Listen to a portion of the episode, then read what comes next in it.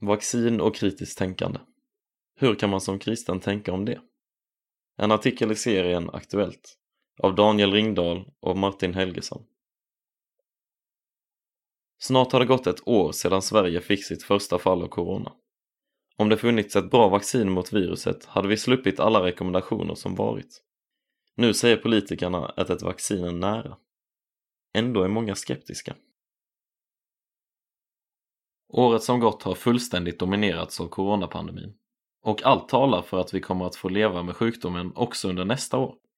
Under hösten har vi dock fått positiva signaler från läkemedelsbolag som är på väg att utveckla vaccin som ger starkt skydd mot sjukdomen. Det delvis svenskägda AstraZeneca är på väg med ett vaccin och andra företag som Biontech, Moderna och Pfizer är på gång med andra vaccin. Mycket talar för att vaccinering ska kunna påbörjas tidigt 2021. Antivaxare Många sjukdomar som tidigare var dödliga är idag så gott som okända i Sverige tack vare effektiv vaccinering. Tuberkulos, mässling och smittkoppor är exempel på sjukdomar som vi på något sätt har tagit kontroll över. Samtidigt har det de senaste åren frodats konspirationsteorier som så misstro mot vaccin.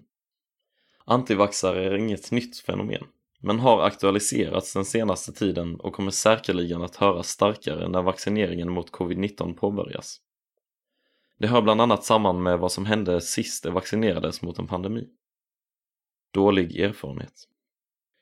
Många svenskar bär med sig dåliga erfarenheter från 2009-2010 när vaccin mot svininfluensan blev tillgängligt.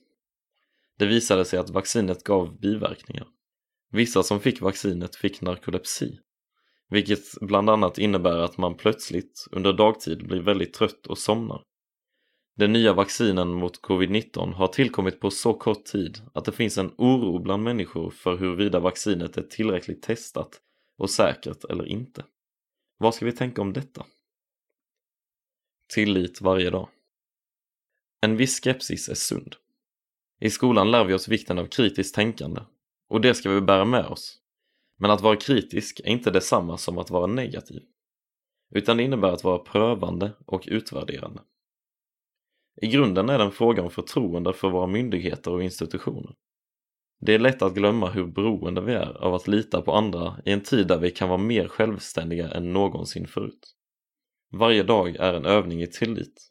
Jag måste lita på att vattnet jag dricker är rätt renat, att människorna som kör kollektivtrafiken är anständiga, att människorna jag möter på stan inte vill skada mig, att lärarna gör sitt bästa, att maten jag äter inte är skadad, att mina vänner vill mig väl, att mina sinnen är tillförlitliga och så vidare. Det går inte att kontrollera allt. Och skulle jag försöka skulle jag förstöra mina relationer. Vem vill vara vän med en som hela tiden misstänker att ens kompis försöker skada en? Som kristna kan vi se att Gud har ordnat världen så att vi från vår första stund är beroende av att lita på att andra vill mig väl. Först i min familj och sedan i samhället omkring mig. Goda skäl till tillit. När det gäller vaccin måste jag lita på att procedurerna håller. Det finns en välutvecklad process för hur man skapar, testar, bedömer och till slut godkänner vaccin som alla måste hålla sig till. Läkemedelsbolagen måste själva genomföra test av vaccinen i tre steg och sedan ska det godkännas av myndigheterna i det land där vaccinet ska tas i bruk. Det finns goda skäl att tro att processerna är tillräckligt säkra och tillförlitliga för att vi ska våga låta oss vaccineras. Det som gjort att vi så snart är redo att vaccinera mot covid-19 är inte att man har hoppat över steg i testningen, som Ryssland och Kina har gjort. Istället beror det på att läkemedelsbolagen satt in enorma resurser och att beslutsprocesserna mellan testfaserna snabbats upp. Guds gåva Den globala utmaning vi har ställts inför i och med pandemin har gett upphov till den snabbaste produktionen av ett vaccin någonsin.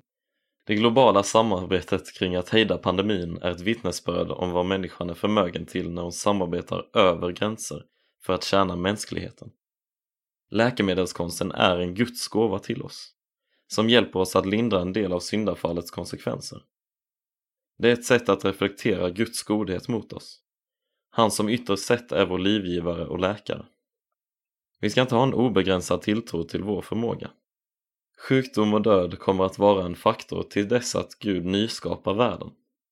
Uppenbarelseboken kapitel 21, vers 4.